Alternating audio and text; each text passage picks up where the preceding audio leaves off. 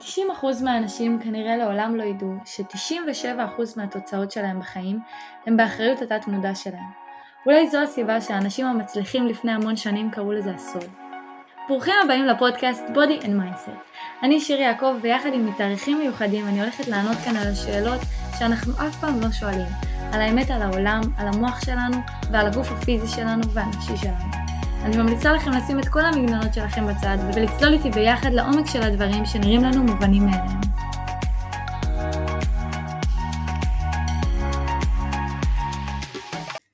היי, ברוכים הבאים לפרק הראשון של הפודקאסט Body and Mindset. אני סופר מתרגשת, ואת האמת שזה אחד הדברים המרגשים שאני עושה. היום בפרק אנחנו ניגע קצת ב... במדיה החברתית, לא מזמן היא נפלה, והיה איזה כזה חצי יום שכולנו היינו מנותקים מרשתות חברתיות. אה, ואני שמתי לב איך זה השפיע על אנשים, זה ממש השפיע על אנשים ברמה שהם אמרו שצריך יותר כאלה, צריך אפילו לעשות הפסקות יזומות כאלה. ואנשים ממש כאילו, זה, זה, זה היה להם סטרס, זה היה להם, כאילו כולם אה, פתאום עברו לטיק טוק, אה, הנוער, ו... זה פתאום היה כזה טירוף, ואז דיברו על זה שבאמת אולי כדאי לעשות אה, הרבה הפסקות יזומות כאלה, וצחקו על זה שאולי עדיף שפייסבוק ואינסטגרם יקרסו, ואני מנסה להיכנס לעומק של הדברים, כולנו, ואם לא ראיתם, אז כדאי לכם לראות את הסרט. כולנו ראינו את הסרט בנטפליקס על איך ששולטים לנו במחשבות, אה, ואיך קונים לנו את התשומת לב. שזה היה סרט די מעצבן אני חייבת להודות כי זה כאילו עודד את כולם לשנוא את הרשתות החברתיות שאני חושבת שהן דבר מדהים. ובמקום שאנשים יעצרו רגע ויגידו איך בכלל מצליחים להשתלט עליי? מה, מה, מה קורה כאן? כאילו איך בכלל שולטים בי כמו, כמו רובוט? זה אומר שאם זה אפשרי לשלוט בי כמו רובוט זה אומר שגם אני יכול לעשות את זה ולהשתמש בכוח הזה ואנשים לא חושבים על זה הם פשוט אמרו יאללה, מוחקים את כל האפליקציות המגעילות האלה. שזה מה שהיה מעצבן בסרט, כי דיברו רק על זה. דיברו על זה ששולטים בנו, שולטים בנו, שולטים בנו. אס.אם.אסים, והכל איך שזה בנוי, זה בנוי במיוחד כדי שאתה, ש... שאנחנו נתמכר לזה. ולמה זה הלחיץ אותנו והכניס אותנו לטירוף? את האמת שאותי זה לא הכניס לטירוף, כאילו גם כשהאפליקציות קרסו זה לא עשה לי איזשהו כאילו האמת שאפילו לא ידעתי, המשכתי לשלוח לאנשים הודעות, לא שמתי לב שזה לא נשלח אליהם בכלל, ואז הם ענו לי בשלוש בבוקר. וזה מצחיק כי, נגיד אני לא נותנת לזה לשלוט בתשומת לב שלי, אבל, אבל כי אני עשיתי איזשהו תהליך לשם, ואנשים פשוט אמרו יאללה בוא נמחוק את כל האנשים מחקו את האפליקציות אחרי הסרט, אנשים מחקו את ההתראות אחרי הסרט, אבל זה לא העניין, זה לא מה שיציל אותנו מהדבר הזה, זה לא, זה לא הנקודה. עכשיו מרק צוקרברג הוא באמת, הוא באמת שולט עלינו באופן מסוים, ואנחנו צריכים להבין למה זה מאמלל אותנו ואיך באמת הוא שולט בנו. תחשבו שאם יש מישהו בעולם, או קבוצה של אנשים, או חברה, זה לא משנה, שמצליחים לשלוט על המוח שלי ולכוון את מה שאני חושבת, על המחשבות שלי, על המציאות שלי, על מה שאני הולכת לדבר, יותר ממני, אם הם מצליחים לשלוט יותר ממני, זה אומר שהבעיה היא בי. האחריות עליי היא שלי. עכשיו אנחנו נדבר ונבין למה מרק צוקרברג בכלל, איך הוא מצליח לשלוט עלינו בצורה הזאת, ולמה זה מאמלל אותנו, וגם איך כל זה קשור לתעשיית התרופות. אבל לפני כל זה, בואו נדבר על החוקים של החיים. כשכולנו הגענו לעולם, למדנו שיש דבר כזה כוח כבידה. אולי יש כאלה שיודעים קצת יותר עליו, אבל רובנו יודעים שפשוט זה מה שמדביק אותנו לרצפה, וזאת הסיבה שאנחנו לא נקפוץ מהגג של עזריאלי. למרות שזאת הדרך המהירה ביותר לרדת למטה, אנחנו לא נעשה את זה.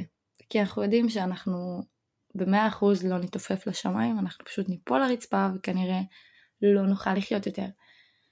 אבל יש עוד חוקים קיומיים שאנשים לא יודעים. לצורך העניין, הכוח הכבידה זה משהו שכולם פועלים לפיו. כולם פועלים לפיו לטוב ולרע, כן, אם מישהו רוצה להתאבד אז הוא כן יקפוץ מה, מהקומה הכי גבוהה כי הוא יודע את החוק הזה ו, ומה המשמעות שלו. ו, ולהפך, מי שרוצה לחיות לא יקפוץ מהקומה הכי גבוהה. אז זה מה שמלמדים אותנו בתור ילדים קטנים, ואנחנו גדלים עם זה, ואנחנו לומדים את זה, ואנחנו יודעים שזה חוק ברזל. אבל יש חוקים שהם קיומיים ואף אחד לא מדבר איתנו עליהם ו-90% מהאוכלוסייה גם לא יודעים אותם. ויש סרט מעולה שמדבר על זה שנקרא הסוד, שזה בעצם החשיפה של החוקים האלה. זה בעצם היה הסוד של האנשים המצליחים פעם, של איינשטיין ושל כל מיני אה, אנשים שהתעסקו בפסיכולוגיה, אנשי פסיכולוגיה גדולים מפעם, אה, ובעצם זה הדברים שהם יודעים. אז יש חוק אחד שנקרא חוק המשיכה ואנחנו נדבר עליו, ויש, זה לא בדיוק חוק, זה, זה, זה בעצם כן חוק או האנרגיה, אבל זה אומר שיש לנו תת מודע. הוא קיים והוא מקליט הכל כל הזמן, ו-90% מאיתנו לא מתייחסים אליו, לא יודעים איך לשלוט בו, והאנשים המצליחים כן. וזאת הסיבה שמרק צוקרברג מצליח לשלוט עלינו, כי הוא יודע איך עובדים התהליכים התת מודעים. יותר מזה, הוא בנה בינה מלאכותית, שזה בעצם רובוט, בתוך המחשב, שיודע לעבוד כמו תת מודע, הוא מתפתח ולומד, הוא לומד אותנו, זאת אומרת, הוא קולט מידע ואז הוא מתחיל לעבוד יחד עם המידע הזה כבר, הוא לא פועל באופן אה, מתוכנת כמו המחשב שלי, שאם הוא לא יודע לעשות משהו אז הוא לא יודע לעשות משהו. הוא לומד תוך כדי תנועה, אה, זה מה שנקרא בינה מלאכותית, והיא עובדת כמו תת מודע והיא ממש יודעת בדיוק איך ללמוד אותנו כל פעם מחדש והיא מסתנכרנת לפי התת מודע שלנו ומה שאנחנו חושבים ומה שאנחנו עושים. אז יש בינה מלאכותית שלמה כזאת שהוא בנה שהיא עובדת כמו תת מודע. אז תבינו כמה הבן אדם הזה יודע על תהליכים לא מודעים שקורים לנו במוח. תהליכים לא מודעים שקורים לנו במוח הם בערך 97% מהתוצאות שלנו בחיי היום יום.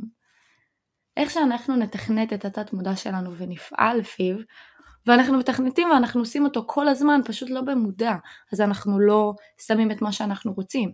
המורה שלנו שותלת לנו דברים בתוך התת מודע, ואז אנחנו פועלים לפי זה, ההורים שלנו, כל הסביבה שלנו בעצם, כי התת מודע כל הזמן מקליט, ובדרך כלל אנחנו ניקח את הדברים אה, מהאנשים שהם יש להם סמכות או שהם חשובים בעינינו, ואז הדעה שלהם חשובה בעינינו, ואז אנחנו לוקחים את מה שהם אומרים כאמת, ופועלים לפי זה.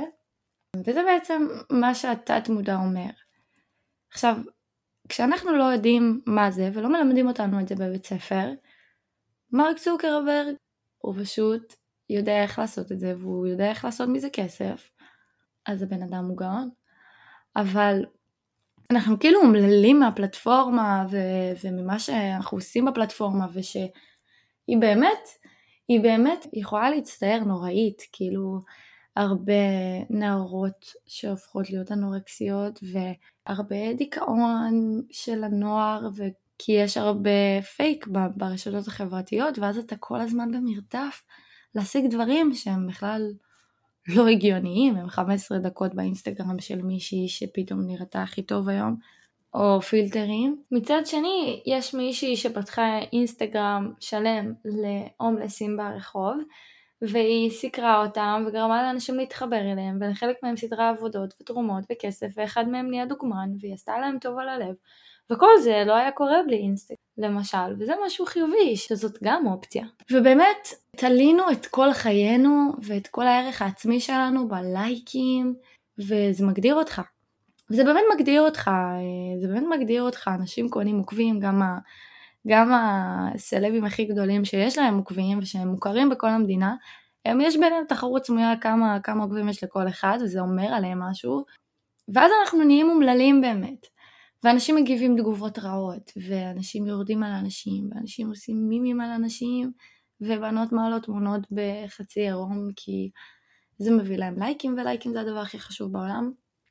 אבל אני אומרת דבר כזה, בואו נחשוב רגע שנייה, קצת ניקח כזה זום אאוט. מי משתמש בפלטפורמה? מרק צוקרברג? לא. מרק צוקרברג הכתיב חוקים לפלטפורמה? לא. מרק צוקרברג לא אשם בזה שהוא שולט לנו במחשבות, הוא לא אשם בזה שאנחנו מכורים. הוא כיוון לשם, אבל אנחנו נתנו לו את האפשרות, אנחנו באנו עם ראש פתוח ואמרנו לו, היי, תעשה מה שאתה רוצה, אנחנו אין לנו מושג, כאילו. אף אחד לא חשב באמת, אה, רגע, אם, אם אנחנו מודעים אז אנחנו יודעים מה, מה קורה. ואני לא מזמן הייתה לי תקופה שאמרו לי, תורידי את ההתראות, זה יעשה לך פלאים. ולהוריד את ההתראות זה סוג של לברוח, כן, אבל, אבל אוקיי, הורדתי את ההתראות, האמת שזה לא עשה לי שום שינוי בחיים, כי אני גם ככה בן אדם שלא עונה בוואטסאפ. אמ, אז זה רק עשה לי כזה את ההפך, שאם הייתי צריכה לחכות להודעה, אז הייתי צריכה כל הזמן להיכנס ולבדוק, אז זה עשה לי אפילו הפוך. אבל מה הנקודה? הנקודה שאנשים אמרו, רגע, רגע, רגע, אנחנו לא יודעים לשלוט על זה, אז אנחנו נחתוך את המקור, אנחנו לא נעשה התראות. התראות מקפיצות לנו את הדופמין במוח, וככה זה עובד וככה זה.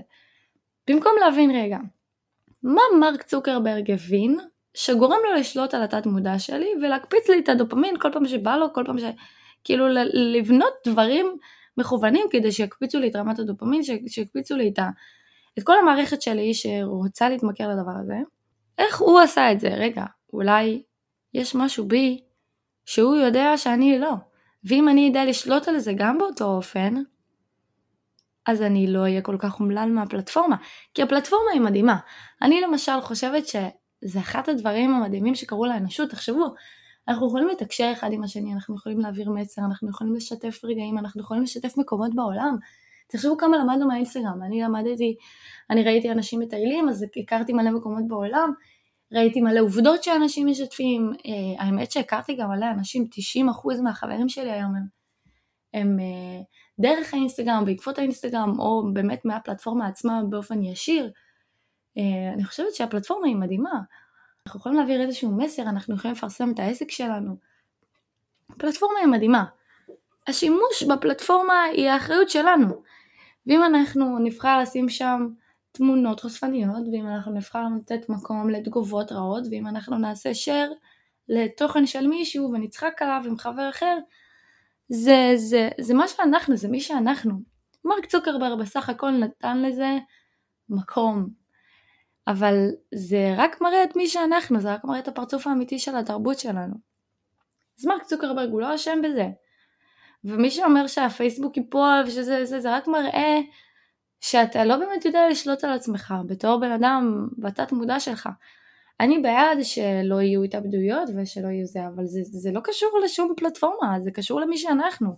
כי בריונות תמיד תהיה, אם זה ברשת או לא ברשת. ברשת זה יותר קל, אבל זה רק מראה מי אנחנו. מרק צוקרברג בעצם מבין את חוק החיים. תנו לי לצטט לכם את ויליאם ג'יימס, אבי הפסיכולוגיה האמריקנית שאמר הכוח להנעת העולם נמצאת בתת מודע שלכם. התת מודע הוא התבונה האינסופית והחוכמה העצומה. הוא ניזון ממעיינות חבויים ונקרא חוק החיים. זה מלא דברים שאנחנו לא מבינים כי, כי זה לא משהו שאפשר לתפוס, אבל תחשבו שאם אנחנו לא משתמשים בזה, זה כמו שיש לי ידיים ורגליים ואני לא משתמשת בהם. זה, תחשבו כמה, כמה זה היה מונע ממני אם לא הייתי משתמשת בידיים וברגליים שלי, נכון? אבל לימדו אותי להשתמש בידיים וברגליים שלי באופן הנכון, אני רואה את זה דודה שלי עם הילדים שלה, שהיא מלמדת אותם איך לתפוס דברים, את זה חזק ואת זה חלש כדי שזה לא יישבר, ואת זה חזק כדי שזה לא ייפול, וללכת למשל, שזה הדבר היחיד, ש... הראשון בעצם שאנחנו לומדים, אה, להשתמש ברגליים שלנו, וסתם דוגמה, אה, עם הרגליים אפשר לעשות הרבה דברים, נכון? אפשר לרקוד, אפשר אפשר לעשות סקייטבורד, לא כולם יודעים את זה, אבל מי שלומד יודע. אז ככל שאנחנו לומדים יותר להשתמש בידיים וברגליים שלנו, יש לנו יותר אפשרויות. אם אנחנו לא יודעים כלום על התת מודע שלנו, תחשבו מה זה אומר, תחשבו כמה אפשר לשלוט בנו. ואיך זה קשור לתעשיית התרופות? כי מרק צוקרברג הוא לא הבן אדם היחיד שהבין את זה, ש-90% מהאוכלוסייה לא יודעים את הסוד, כי זה באמת סוד, כי אף אחד לא יודע את זה, ולא מזמן דיברתי על זה עם ידיד שלי ואמרתי לו בואנה אנשים לא, לא עובדים לפי החוק הזה זה מטורף וזה כאילו חוק. זה עובד ככה או ככה אם אתה משתמש בו אם ואם אתה לא. והוא אמר לי דבר נכון הוא אמר לי שיר תראי לחוק הכבידה יש לי ויזואליות אני יכול לראות בן אדם נופל מצוק לרצפה. אנחנו יודעים בוודאות שגם אם 100 אנשים יקפצו מצוק הם לא יתעופפו לשמיים הם ינחתו לרצפה זה ודאי ואני יכול לראות את זה יכול לראות את זה שכשאני קופץ אני נוחת חזרה. אבל החוקים האלה, כמו חוק החיים וחוק המשיכה, זה לא דברים שאתה יכול לראות ולתפוס, ואנשים לא, לא מאמינים לדברים האלה. אבל זה מצחיק, כי אנשים כן מאמינים באלוהים, ואנשים כן מאמינים ב... לבקש בקשות וביקום ובגורל, שזה גם דברים שהם לא זה. ותחשבו שזה נתון מטורף, שיותר קל לאנשים להאמין ב... באלוהים ובגורל ובמכתוב מאשר בעצמם. יותר הגיוני לגרום להם להאמין במשהו גדול וחיצוני, שאני לא אומרת אם זה קיים או לא קיים, אבל יותר קל לגרום לבן אדם לחשוב שיש משהו שאחראי לתוצאות שלו בחיים, שהוא יוכל גם להאשים אותו אחר כך, מאשר לשכנע אותו שזה משהו שהוא יכול להיות אחראי עליו. שהוא אחראי עליו בכל מקרה. אבל בסדר, זה, זה כבר פרק אחר של אמונות ו- ואיך זה עובד, שזה גם סופר מעניין, אבל באמת אנשים לא עובדים לפי החוק הזה. ולא רק מרק צוקרברג הבין את זה, הרבה תעשיות אחרות הבינו את זה, כמו תעשיית התרופות למשל, שהם דרך הפרסומות ודרך הרופאים גורמים לנו להאמין שמה שאנחנו צריכים כשיש לנו כאב ראש זה אדוויל או תרופות אחרות ושזה הדבר היחיד ואולי הכי טוב לעשות לעצמנו. יוצרים לנו איזושהי תלות ושאנחנו צריכים לרוץ לרופא שככה וככה קורה ולא סתם רופאים ממליצים לנו לאכול את מה שהם ממליצים לנו לאכול. דרך אגב יש על זה גם סרט מעולה בנטפליקס, זה אחד הסרטים שריתקו אותי למסך באמת, זה נקרא What the Health, אה, זאת אומרת מה בשם הבריאות למי שיש נט, נטפליקס בעברית, שהוא מדבר אה, על באמת על התעשיות האלה והוא בא לראיין רופאים בתוך הבית חולים וכזה התעמת איתם. מה שהוא הבין בסרט בעצם זה שהכל קשור אחד בשני, חסויות ותעשיות גדולות ו... ושאף אחד לא באמת רוצה לגלות לנו את הסוד לבריאות. לא תעשיית התרופות ולא הרופאים והם בעצמם אפילו אה, אולי לא יודעים. תחשבו שהכל עובד בהיררכיה מסוימת. יש אנשים שכל התפקיד שלהם זה לנהל את העולם. מה שהולך שם אנחנו לא באמת יודעים, אמ, אבל תחשבו שזה דברים נורא נורא מוזרים והזויים וגדולים כמו לשרוף מלא או לכרות מלא דונמים של יערות גשם שהכרחיים לחיים שלנו פה על הכדור ולמאזן האקולוגי, אבל עושים את זה כי זה מביא כסף ומביא כל מיני דברים ויוצר לנו נוטלה, דברים מאוד חשובים בעיקרון יותר מחמצן. אוקיי, אבל דברים, דברים הזויים גדולים אה, שאנחנו לא יודעים קורים. ואנחנו אף פעם לא באמת עוצרים לשאול, רגע, איך האוכל שלי הגיע לצלחת? מה יש בתרופות? כאילו אנשים fucking יסתכלו עליך מוזר אם אתה מעשן וויד, שזה פרח מיובש, והם ייקחו את האדוויל שלהם יום למחרת בבוקר, שיש על זה טונות של כאילו כשפותחים את העלון מידע באמת אף אחד לא נראה לי פתח את זה בחיים אבל גם אם פותחים את זה זה ענק זה מטורף וכתוב שם מלא מלא דברים שעלולים לקרות לך ומלא דברים שעלולים להשתבש שהם יותר גרועים מכאב ראש הרבה פעמים ואנחנו לוקחים את זה. ואנחנו אפילו לא מסתכלים על, ה, על ה, מה כתוב מאחורה ומה זה יכול לגרום וגם אם אנחנו מסתכלים אנחנו אומרים יאללה בסדר הרופא שלי למד שבע שנים.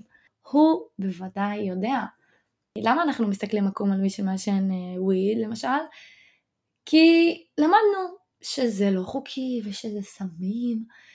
כמובן שאני לא מעודדת אתכם להשתמש בסמים, כן? אני פשוט שמה את הנקודה כדי שנוכל לעשות השוואה בריאה ולהסתכל על, על העולם כפי שהוא באמת ולא כפי שלימדו אותנו להסתכל עליו, כן? שאף אחד לא עכשיו יגיד שהפודקאסט שלי מעודד שימוש בסמים, זאת לא הנקודה, אה, וגם לא שימוש בתרופות, כן? מבחינתי זה אותו דבר. ומי לימד אותנו את הדברים האלה? אנחנו לא נולדנו עם כל מיני מחשבות, אנחנו קיבלנו את זה, אנחנו נולדנו בלי כלום במוח, ואנחנו קיבלנו את הדברים האלה מהחברה. בגלל זה יש לנו תרבות מסוימת שהיא דומה, בגלל זה אנחנו חושבים כמו כאלה שהם מסביבנו, זה לא סתם. כאילו אם אתם תלכו לסין אתם תפגשו אנשים שחושבים הפוך מכם, מתפללים הפוך מכם, אה, אוכלים כלבים, זה לא התרבות שלכם, ואם הייתם נולדים בסין כנראה שהייתם דומים להם. אז אנחנו לא באמת יודעים כלום, אנחנו פשוט קיבלנו את הכל מהאנשים שמסביבנו ומהאנשים הסמכותיים שיעברו לנו בחיים. והנקודה היא שלימדו אותנו לחשוב ככה. כמו שלימדו אותנו לחשוב שמי שלא מתחסן זה לא בסדר, ושהוא מסכן את כל הסביבה, ושהוא מצורע, ושהוא משוגע, ו... ושהוא אנרכיסט, ושהוא שמאלני, ושהוא טבעוני, סתם. אבל אמ, זה, ככה לימדו אותנו לחשוב, כי, כי האנשים הגדולים זה מה שהם רוצים שנחשוב. הם רוצים חינוך תרבות מאוד מאוד מסוים. תחשבו איך קל לשלוט באנשים.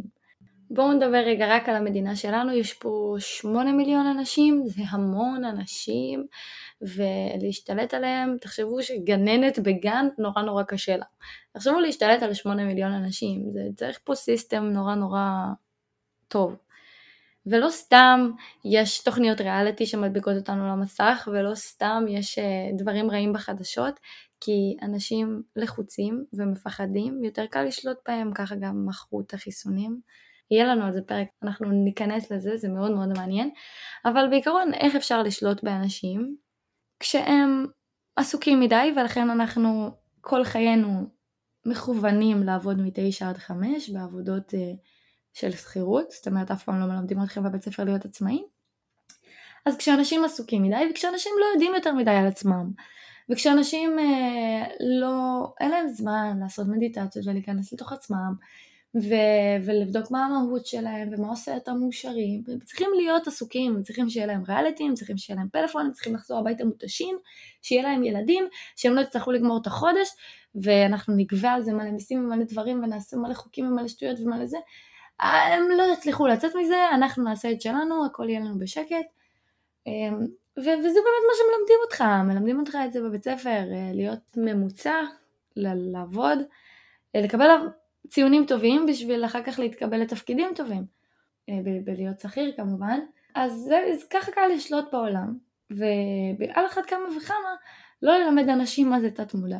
ככה העולם עובד היום, יש אנשים שמנהלים את העולם ויש אותנו, אז ככה הכי קל, ותעשיית התרופות עובדת תחת הממשלה ותחת האנשים האלה, ויכול להיות שהרבה פעמים גם הרופאים לא יודעים בעצמם, אה, מכוונים אותנו למקומות שלא שיא הבריאות, זאת אומרת אף אחד לא יגיד לכם קחו שמן קצח, או אה, באמת תשתמשו בקנאביס לצרכים הטובים שלו שהוכחו כמועילים הרבה פעמים וגם הרבה יותר בריאים, תחשבו זה לא כימיקלי, אבל הגדירו לנו את זה כסם, ויש סיבה מאוד מאוד טובה למה הגדירו לנו את זה כסם ולמה אין לגליזציה. תחשבו, ש... תחשבו רגע על, על התרופות, בסדר? בואו בוא נפרט את זה. תרופות זה בעצם אה, סמים, זה סמים, זה fucking סמים, זה פשוט סמים שמרשים לנו להשתמש בהם. במרשם כמובן, ויש כאלה שגם לא במרשם, אבל זה פשוט סמים שמסכימים לנו להשתמש בהם. ויש לזה סיבה מאוד מאוד טובה. תחשבו על זה, זה באמת סמים שהם יכולים גם למכר, יש אנשים שהם מתמכרים לתרופות. זה, זה במעבדה, זה סינתטי לחלוטין, אמ, אבל כולם לוקחים את זה, כולם לוקחים מרשם לזה, זה נורא קל להשיג את זה. נורא קל להשיג סמים, כאילו, מ- מרופא. שבואו, זה דברים שהם גם עושים הרפאיה והלחוש והם מתערבים בתהליכים הטבעיים של הגוף, זה סמים לכל דבר. אם נפתח עכשיו גוגל הגדרה לסמים זה מה שיהיה כתוב, אבל סם של הטבע שהוא לא... יהיה, יהיה נורא קל, תחשבו שאם יהיה לגליזציה אתם תוכלו לגדל את זה אצלכם בחצר. אתם לא תצטרכו לשלם לאף אחד, איך, איך לעזאזל. תעשיית התרופות הולכת להרוויח, והיא התעשייה הכי מרוויחה למדינה היום. איך היא הולכת להרוויח אם אתם תגדלו את התרופות שלכם אצלכם בחצר? זה למה אין לגליזציה חברים, זאת אחת הסיבות הגדולות ביותר שאין לגליזציה.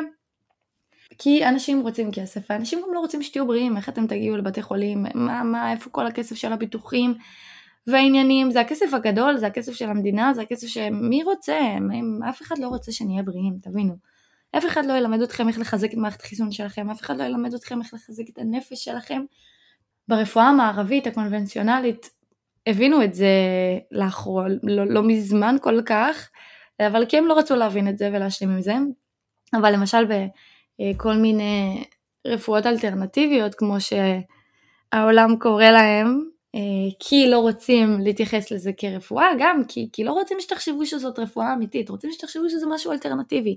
אבל ברפואות האלטרנטיביות לצורך העניין, מתייחסים לגוף ולנפש כאחד. ואני אגיד לכם, אם אתם כזה סקפטיים, בואו נלך על הדבר הכי פשוט. סטרס, שזה מצב נפשי, יכול לגרום לכם לאקנה, שזה חדשקונים על הפנים, ויכול לגרום לכם גם לדום לב. סטרס זה מצב נפשי, משמע הגוף והנפש הם אחד. וכשאנחנו, יש לנו כאב ראש ואנחנו הולכים לרופא והוא נותן לנו תרופה, אז אנחנו מטפלים בכאב ראש, שזה בעצם התוצאה, אבל מה ש... מה שגרם לכאב ראש זה משהו אחר לגמרי. זה משהו אחר לגמרי, זה, זה, זה בוודאות תהליכים נפשיים, אבל מה קורה נגיד כשתלכו, ל... כשתלכו לרופא מכל דבר, מרפואה סינית, מנטורופתיה, כל, כל מה שהוא רפואה אלטרנטיבית שהיא לא הרפואה המערבית שישר תדחוף לכם תרופות, הם יבואו ויגידו לכם בואו נראה, בואו נאבחן את הכל, מה קרה לכם, איך אתם מרגישים, מבחינה נפשית, מבחינה זה, והם ישלחו אתכם הרבה פעמים גם לעשות דברים לגוף ולנפש, לפני שהם יביאו לכם צמחי מרפא ו- וכל מיני דברים שהם גם התרופות של הטבע, אבל כשהם הרבה יותר בריאים ו- ובהרמוניה עם הגוף. מה שרופא רגיל יעשה מהרפואה המערבית זה להסתכל לך על הלשון אם היא אדומה או לא, הוא יסתכל לך על האישונים, הוא יסתכל לך, הוא יסתכל לך בעיקרון על הוויזואלי ועל הגוף הפיזי וזה לא נכון, כי אז אתה רק מטפל בתוצאה ולא במה שיצר אותה ותבינו לאן זה הולך, זה לא באמת פותר כלום ובגלל זה אנשים חושבים שיש להם בעיות for life, אנשים שחושבים שיש להם צינון כל שנה או שיש להם אה, מיגרנות, אף אחד לא נולד עם זה, חבר'ה. מה שאנחנו יצרנו אנחנו גם יודעים להבריא, אבל כנראה שאם אנחנו נישאר באותה אה, שגרה ואנחנו לא נשנה כלום, כי כנראה שהשגרה הזאת, משהו מסוים בה גורם לנו ל-XYZ, אז אנחנו נמשיך לחיות ככה ואנחנו נחשוב שיש לנו בעיה שהיא for life. וזהו. אז זאת הסיבה שאף אחד לא רוצה שנהיה בריאים. הכסף. באותה סיבה שמרק צוקרברג לא רוצה שנדע את הסוד לתת מודע. והסוד לתת מודע הוא הכל, כי אז אתם יכולים לזרוע בו גם דברים חיוביים שישפיעו לכם על הנפש, שישפיעו לכם על, ה- על ההלך רוח, שישפיעו לכם על כל החיים. מה שאתם זורים בתת מודע שלכם זה 97% מהתוצאות שלכם. היום אתם לא יודעים כנראה מה אתם שמים בתוך התת מודע שלכם, אבל יש שם דברים. זה ממשיך להתקיים גם אם אתם לא משתמשים בזה בצורה הנכונה, אתם משתמשים בזה בכל אופן. פשוט לא, לא איך שאתם הייתם רוצים להשתמש בזה, כי כמובן שהייתם רוצים תוצאות יותר טובות, והייתם רוצים לצאת מלופ ה... ממרוץ העכברים הזה.